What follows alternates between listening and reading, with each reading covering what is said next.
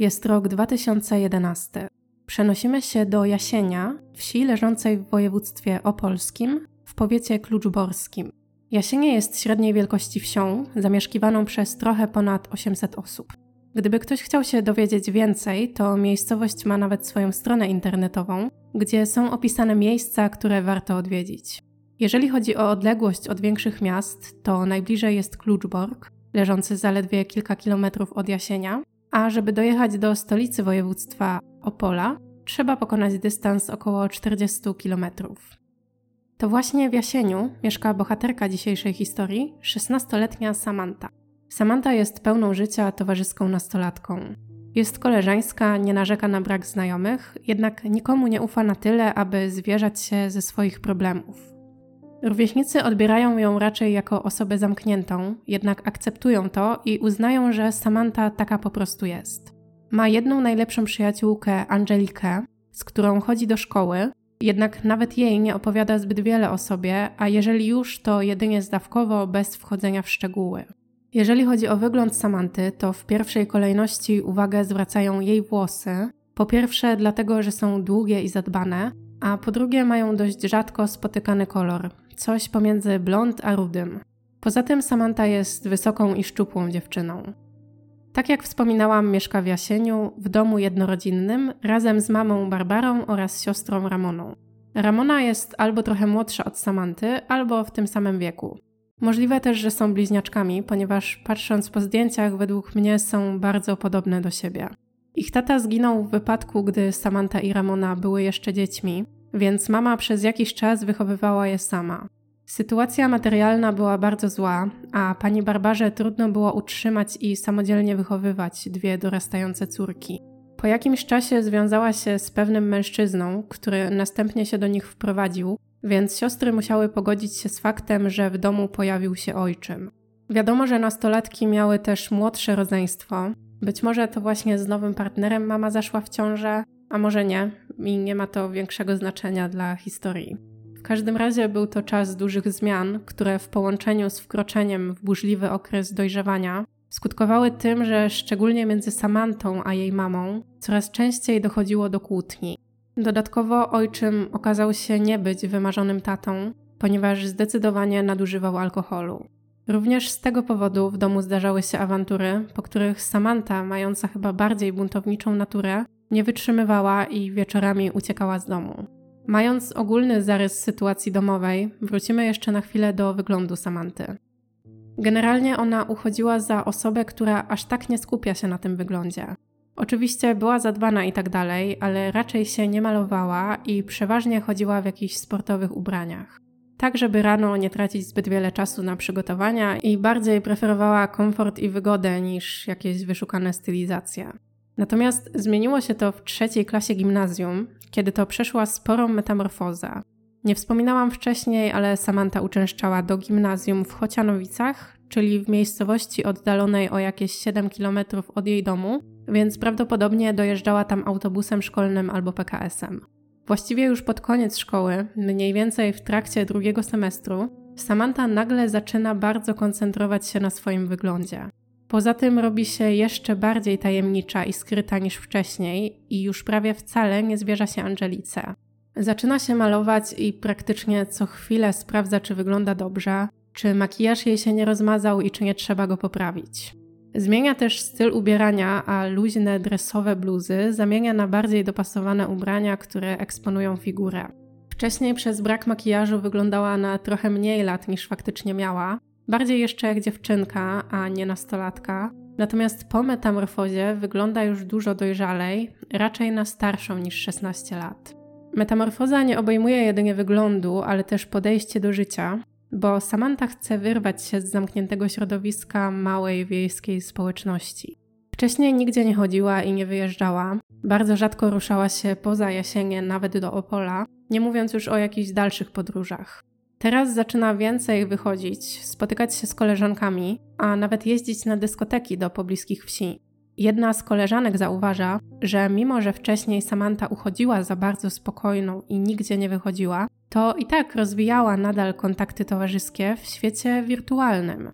Samantha bardzo koncentruje się na zdobywaniu znajomych na portalach społecznościowych i bardzo dba o swój wizerunek w sieci. Chce być rozpoznawalna i mieć jak najwięcej znajomych, co zresztą się udaje, bo na jej liście znajomych można zobaczyć setki ludzi z całej Polski. Większość z nich to mężczyźni i co trochę niepokojące, mężczyźni dużo starsi od 16-latki, bo nawet 40 czy 50-letni.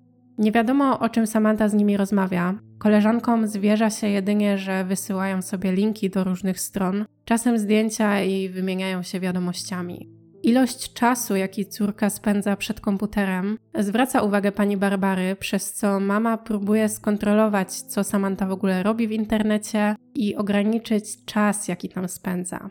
Okazuje się, że Samantha siedzi głównie na naszej klasie i Facebooku. Jeżeli mam tu jakichś młodszych słuchaczy, to nasza klasa to był taki Facebook, tylko o wiele mniej rozbudowany i głównie chodziło tam o to, żeby znaleźć znajomych, z którymi chodziło się do klasy na różnych etapach edukacji. Wracając do historii, to mama Samanty zna hasła do kont córki i bez problemu może się zalogować na jej profile. Podczas jednego z takich logowań usuwa ze znajomych wszystkich, którzy wydają się jej podejrzani. Nie wiadomo, jakie ma do tego kryteria, ale podejrzewam, że pewnie usuwa wszystkich mężczyzn znacznie starszych od jej córki. Samantha, gdy się o tym dowiaduje, oczywiście jest bardzo zła i kłóci się z mamą. Później usuwa stare konta i zakłada nowe, z nowymi hasłami, których pani Barbara nie zna. Staje się dużo bardziej ostrożna, a kontakty ze starszymi znajomymi utrzymuje w tajemnicy. Nie tylko tego pani Barbara nie wie o swojej córce. Gdyby przejrzeć telefon Samanty, można by tam znaleźć kontakt zapisany jako kochanie, a numer ten należy do jej chłopaka. Mimo, że mama nie wie, że córka się z kimś spotyka, to nie jest to aż taka tajemnica, bo na przykład koleżanki Samanty o tym wiedzą. Chłopak ma na imię Adrian i jest od niej kilka lat starszy, bo ma 22 lata. Zaczęli się ze sobą umawiać w marcu 2011 roku.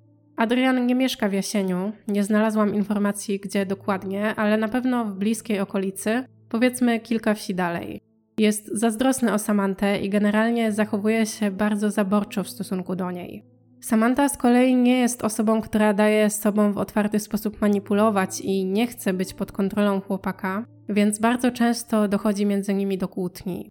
Adrian jest przekonany, że jego dziewczyna utrzymuje bliskie relacje z innymi chłopakami, co raczej nie jest prawdą, ale wygląda to tak, jakby na siłę szukał powodu do zazdrości. Utrzymuje się z rozprowadzania narkotyków, o czym Samantha wie, ale tego nie popiera. Chce, żeby Adrian znalazł sobie jakieś legalne zajęcie, co on obiecuje zrobić i wiele razy zapewnia, że niedługo skończy z narkotykami. Tej obietnicy chyba długo nie spełnia, więc Samantha regularnie robi mu z tego powodu wymówki. W ogólnym rozrachunku ich związek nie jest więc zbyt udany i ostatecznie to Samantha postanawia, że nie chce go kontynuować i zrywa z Adrianem pod koniec roku szkolnego, co oznacza, że byli ze sobą przez jakieś trzy miesiące. O rozstaniu opowiada Angelice, ale jak zawsze bez szczegółów. Adrian nie radzi sobie z odrzuceniem i wielokrotnie kontaktuje się z Samantą. Ona jednak uważa, że nie mają już o czym rozmawiać i dla niej to temat zamknięty. Tak jak wcześniej wspominałam, Samantha już jakiś czas temu zaczęła chodzić na imprezy. W czasie związku z Adrianem najczęściej chodziła z nim, natomiast po rozstaniu zaczęła znów szukać towarzystwa wśród koleżanek. W piątek 10 czerwca 2011 roku, około godziny 15.30, Angelika i Samantha kończą lekcję. Samantha już od kilku dni snuje plany, że w weekend ona i Angelika pojadą na dyskotekę do sąsiedniej wsi. Pyta przyjaciółkę, czy jej mama ostatecznie się zgodziła, natomiast Angelika nie jest do końca przekonana, bo mama odpowiedziała jej wymijająco i prawdopodobnie nie będzie mogła iść. Samantha prosi, żeby jeszcze raz z nią porozmawiała, bo bardzo jej zależy na wyjściu. Mówi, że na pewno będą wszyscy z Jasienia i że już wcześniej była w tym klubie i super się bawiła. Wieczory i noce są już bardzo ciepłe, w końcu jest czerwiec i aż żal gdzieś nie wyjść. Tym bardziej, że niedługo kończy się rok szkolny i dziewczyny za jakieś dwa tygodnie mają odebrać świadectwa, więc nie muszą się już dużo uczyć. Angelika chce iść, ale nadal nie wie, jak namówić mamę. Ich rozmowę przerywa Adrian, który po raz kolejny przyjeżdża pod szkołę, żeby porozmawiać z Samantą. Dziewczyny rozstają się, a Samantha idzie z Adrianem. Rozmowa jak zwykle nie wnosi nic nowego. Kłócą się, zaczynają się wyzywać. Adrian zarzuca, że pewnie Samantha znalazła sobie kogoś innego. Jakby to w ogóle był jakiś problem, skoro się rozstali. A Samantha w końcu odchodzi i wraca do domu. Z tej imprezy ostatecznie chyba nic nie wyszło. Widać, mama Angeliki się nie zgodziła, więc sobotni wieczór Samantha spędza w domu. Dochodzi godzina 23 i razem z Ramoną siedzą u siebie w pokoju. Nie spędzają czasu razem, każda jest zajęta czymś innym. Ramona odrabia lekcje, a Samantha siedzi z telefonem i pisze z kimś SMSy. Ten telefon ukrywa, bo nabyła go bez zgody mamy. Prosiła wcześniej o własną komórkę, natomiast mama się wtedy nie zgodziła, ale obiecała, że za jakiś czas jej kupi, pod warunkiem, że będzie miała do niego wgląd. Prawdopodobnie nauczona wcześniejszymi doświadczeniami, chce po prostu wiedzieć, z kim córka utrzymuje kontakty. Nie wiadomo, jak Samantha zdobyła telefon samodzielnie, ale pewnie zależało jej, aby trzymać go w ukryciu, żeby mama w ogóle nie miała pojęcia o jego istnieniu i go nie sprawdzała. Na jej nieszczęście, właśnie tego sobotniego wieczoru, prawda miała wyjść na jaw. Mama nagle wchodzi do pokoju i każe Samancie iść posprzątać w łazience, bo zostawiła tam wcześniej bałagan. Gdy mama wchodziła, udało jej się szybko schować telefon pod poduszkę, natomiast po wyjściu Samanty z pokoju przychodzi do niej SMS i mama słyszy dźwięk powiadomienia. Podnosi więc poduszkę i zauważa, że Samanta ukrywa tam komórkę. Gdy córka wraca, mama zaczyna ją wypytywać, co to za telefon i przede wszystkim skąd miała pieniądze na jego zakup. Samantha odpowiada dość wymijająco, mówi, że telefon znalazła i wywiązuje się między nimi kłótnia, po której mama zabiera komórkę i wychodzi z domu. Zamierza jeszcze przed snem przejrzeć SMSy i sprawdzić, kto jest zapisany w kontaktach. W trakcie kłótni Samantha na początku jest bardzo zła, natomiast po chwili staje się bardziej obojętna, słucha, co mama ma do powiedzenia i czeka, aż skończy i wyjdzie. Gdy pani Barbara wychodzi, Samantha mówi Ramonie, że musi na chwilę wyjść z domu. Siostra pyta gdzie, bo już przecież jest późno i mama na pewno się nie zgodzi na żadne wyjścia. Samantha nie chce powiedzieć, ale zapewnia, że to dosłownie na 5 minut i prosi, żeby Ramona odwróciła na ten czas uwagę mamy. Siostra z początku nie jest chętna, ale Samantha jakoś ją przekonuje, mówi, że zaraz wróci i ostatecznie Ramona się zgadza. Wychodzi z pokoju i idzie do mamy z książką, z której wcześniej się uczyła. Mówi, że bardzo potrzebuje pomocy w odrabianiu lekcji, inaczej sobie nie poradzi, więc siadają razem i zaczynają rozwiązywać zadania. Siedzą tak, że drzwi wyjściowe są poza zasięgiem ich wzroku, więc Samancie po cichu udaje się wymknąć. Prawdopodobnie od początku planuje wyjść na dłużej niż 5 minut, natomiast uznaje, że te 5 minut to czas, kiedy siostra będzie w stanie odwrócić uwagę mamy i jednocześnie ona zdąży odejść wystarczająco daleko. Jest bardzo zła, że mama zabrała jej komórkę i idzie do Angeliki, żeby opowiedzieć jej o całej sytuacji. Angelika też mieszka w Jasieniu, więc droga nie zajmuje długo, ale po dotarciu na miejsce Samancie nie udaje się porozmawiać z przyjaciółką. Drzwi otwiera mama Angeliki i mówi, że córka nie przyjmuje gości o tej godzinie, a poza tym już śpi.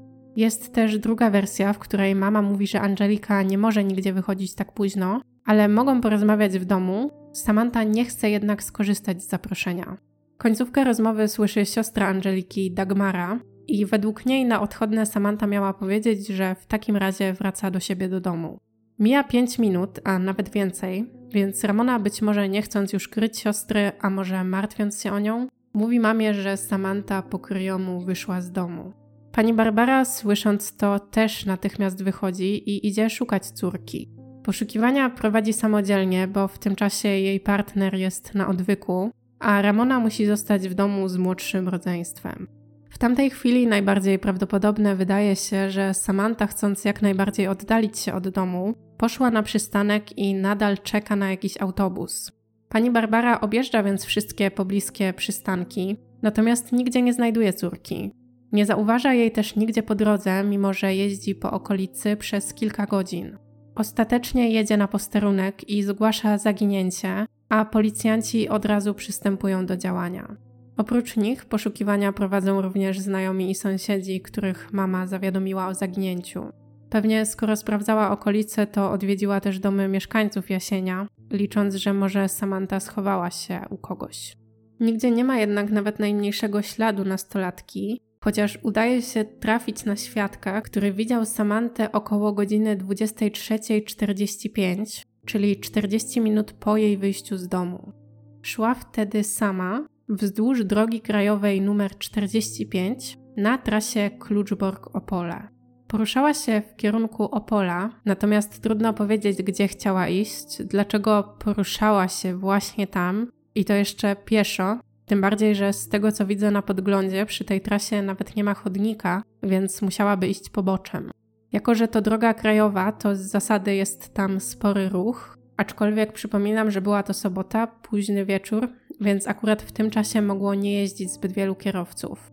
Po rozesłaniu zdjęcia Samanty zgłasza się jeszcze jeden świadek, który twierdzi, że widział ją w dniu zaginięcia w klubie leżącym kilkanaście kilometrów od Jasienia. Brakuje informacji, czy zostało to potwierdzone, czy na przykład rodzina zweryfikowała nagranie z monitoringu i czy w ogóle takie nagranie było, bo równie dobrze mogła to być po prostu jakaś podobna dziewczyna. Jeżeli jednak przyjąć, że to prawda, to może Samantha zdecydowała, że sama wybierze się na imprezę, na którą pierwotnie miała iść z Angeliką.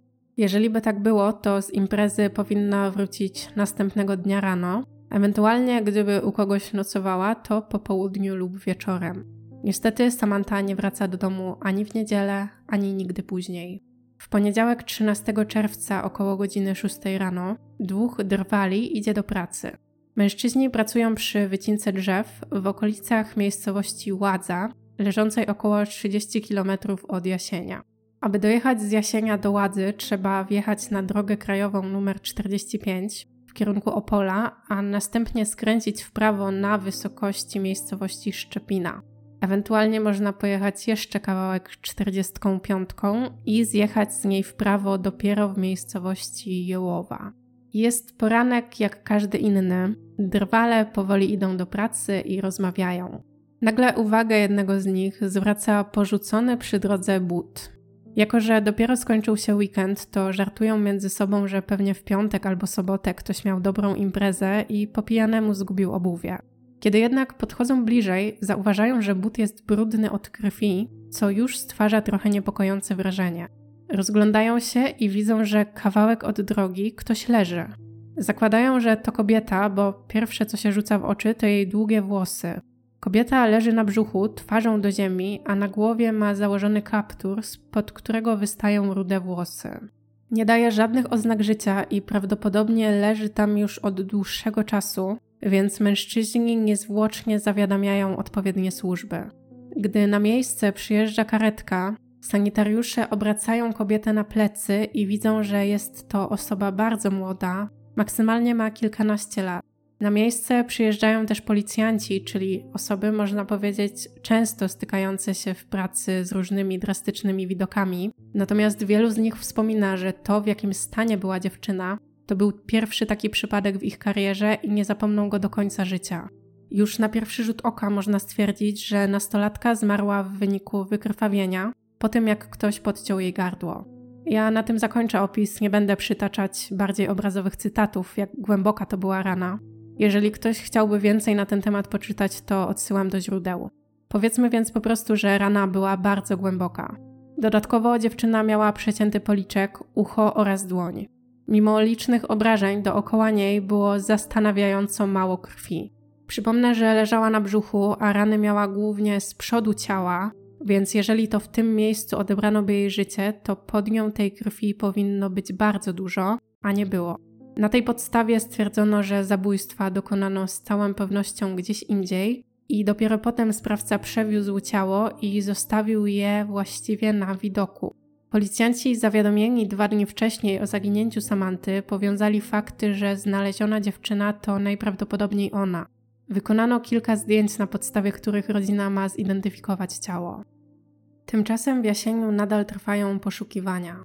Dołączył do nich ojczym Samanty, który najwidoczniej wrócił z odwyku po tym, jak dowiedział się, że nastolatka zaginęła. W poniedziałek 13 czerwca po południu Ramona wychodzi z młodszym rodzeństwem na spacer. Gdy chodzą po okolicy, przyjeżdża po nich ojczym i mówi, że muszą natychmiast wracać do domu. Nie wyjaśnia o co chodzi, ale gdy tylko Ramona widzi płaczącą mamę i leżące na stole zdjęcia, wie, że stało się najgorsze. W domu jest też kilka innych osób, m.in. policjanci, którzy informują ją, że jej siostra nie żyje.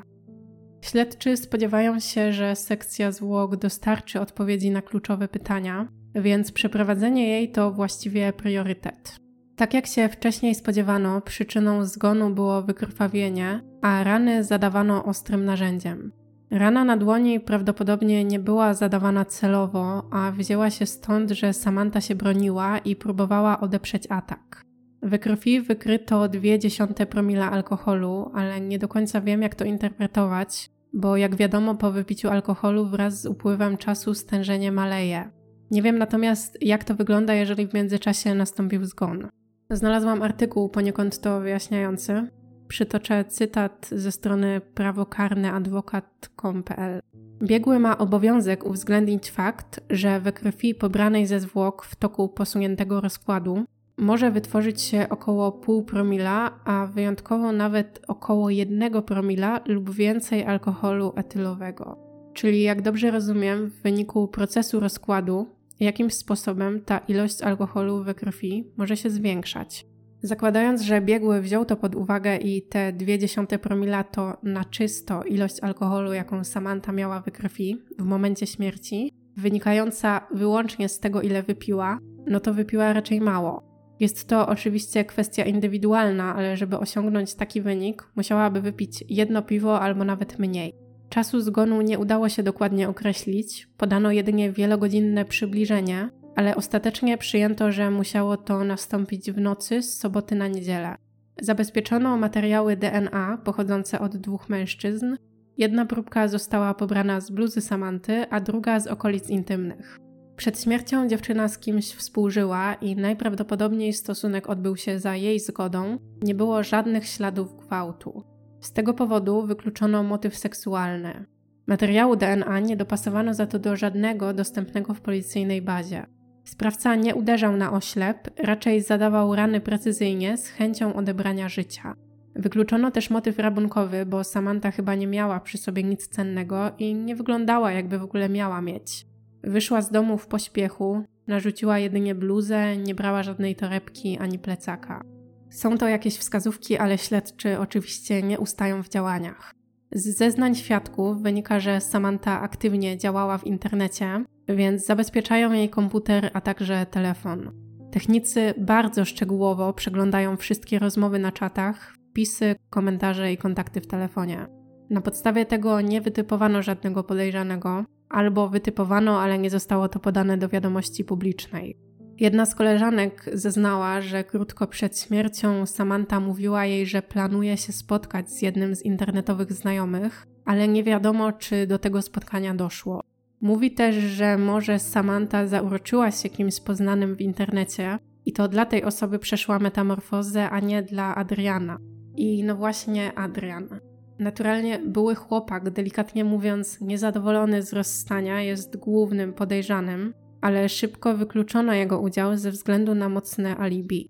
Tamtej nocy był chyba na jakiejś domówce, tudzież domówka odbywała się w jego domu i kilka osób niezależnie potwierdziło, że nigdzie nie wychodził. Sprawdzono też oczywiście dom i posesję, szukano jakichś śladów, ale teren był czysty. Jak wiemy, zawsze w pierwszej kolejności podejrzewa się najbliższe osoby ofiary, więc skoro nie były chłopak, to śledczy skupiają się na rodzinie. Bliscy Samanty są przesłuchiwani aż 8 razy, a także po kolei przechodzą badania wariografem. Nie ma żadnego punktu zaczepienia, więc ostatecznie hipoteza, że zabójstwa dokonał ktoś z rodziny, zostaje odrzucona. Wracając jeszcze do aktywności w internecie, to trzy miesiące przed zabójstwem Samantha umieściła na Facebooku zdjęcie w takiej mocno mrocznej oprawie wizualnej. Zdjęcie było dość ciemne, ale widać na nim było, że Samantha leży na łóżku, a w ręce trzyma duży rzeźnicki nóż. Zapewne była to po prostu taka oprawa artystyczna, ale niektórzy doszukują się w tym jakiegoś znaku, bo podobnym nożem mogła zostać zamordowana. Generalnie 2011 rok to jest już czas, kiedy internet prężnie działa, więc sprawa zabójstwa jest komentowana w mediach społecznościowych, a śledczy, mając świadomość tego, sprawdzają każdy wątek, który się tam pojawia. Mniej więcej po tygodniu od odnalezienia ciała powołano specjalną grupę, która ma za zadanie znaleźć sprawcę. Śladów już niestety za bardzo nie było, oprócz tego DNA, o którym notabene bardzo długo nie informowano. Była to tajemnica, ponieważ śledczy liczyli, że sprawca, nie wiedząc o tym, będzie mniej ostrożny i prędzej czy później wpadnie i gdzieś takie DNA wypłynie, ale nie wypłynęło. Łapiąc się zeznań świadka, który widział Samantę idącą drogą krajową nr 45, można założyć, że tam wsiadła do czyjegoś samochodu.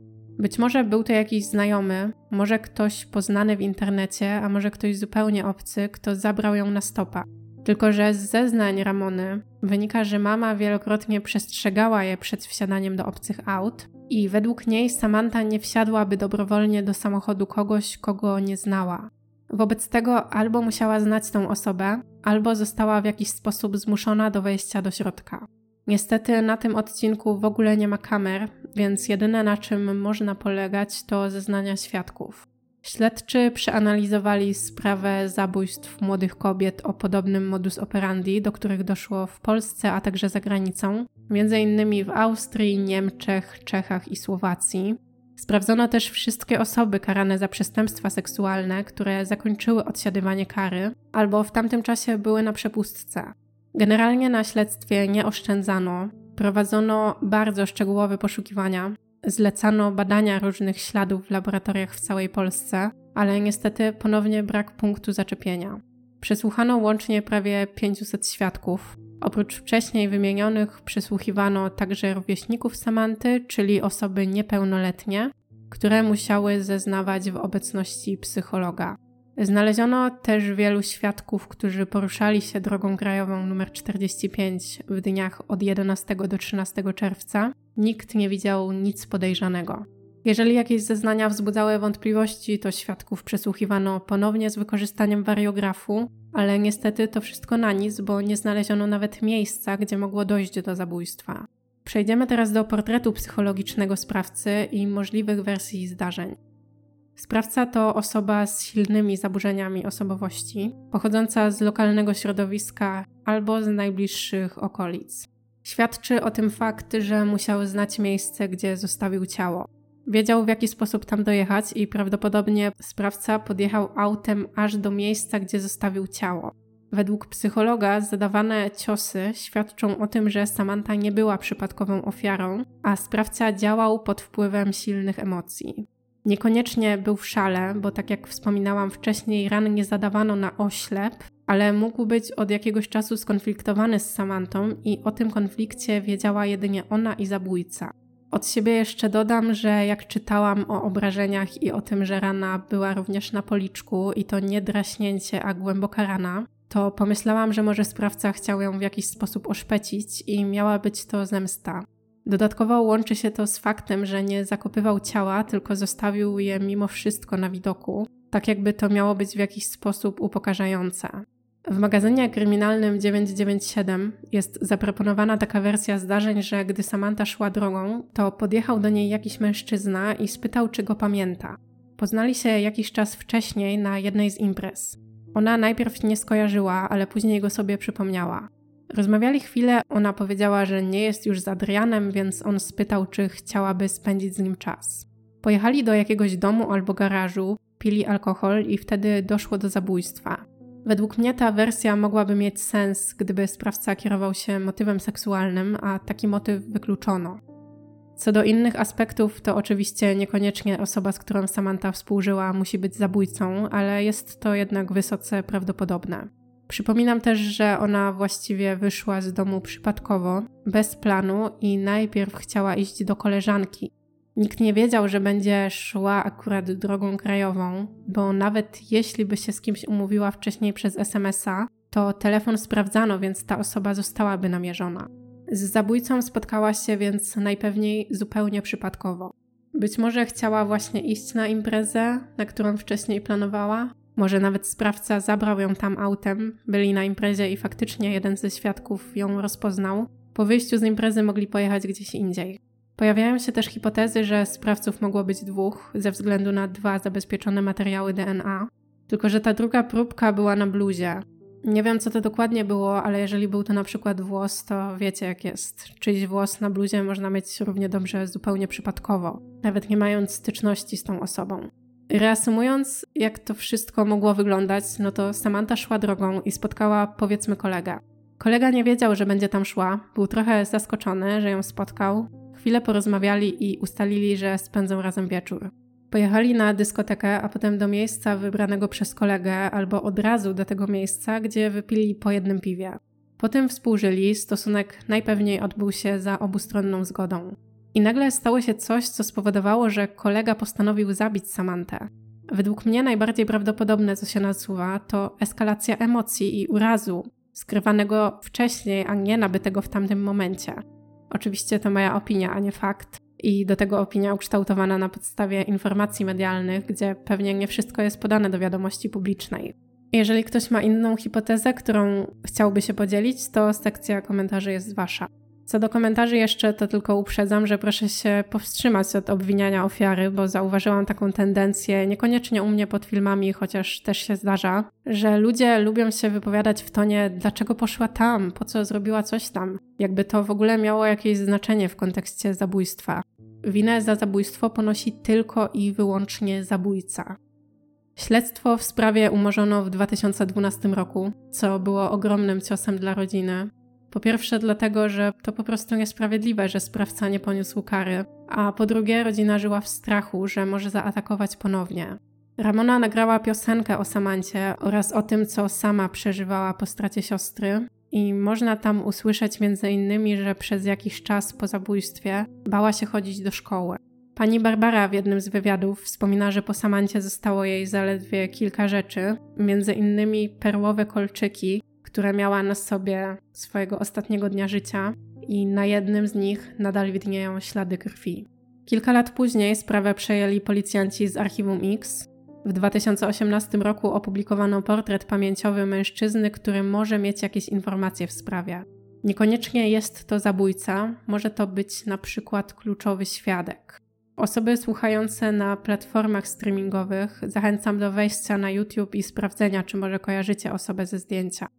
Każdy, kto rozpoznaje mężczyznę z portretu lub ma jakieś informacje mogące pomóc w namierzeniu sprawcy, proszony jest o kontakt z Komendą Wojewódzką Policji pod numerem 77 42 22 251. Jest też podany drugi numer, prawie identyczny jak ten pierwszy, różni się jedynie końcówką. Zamiast 251 należy wybrać 202. Mężczyzna z portretu w tamtym momencie miał około 25 lat, więc obecnie ma około 37 lat.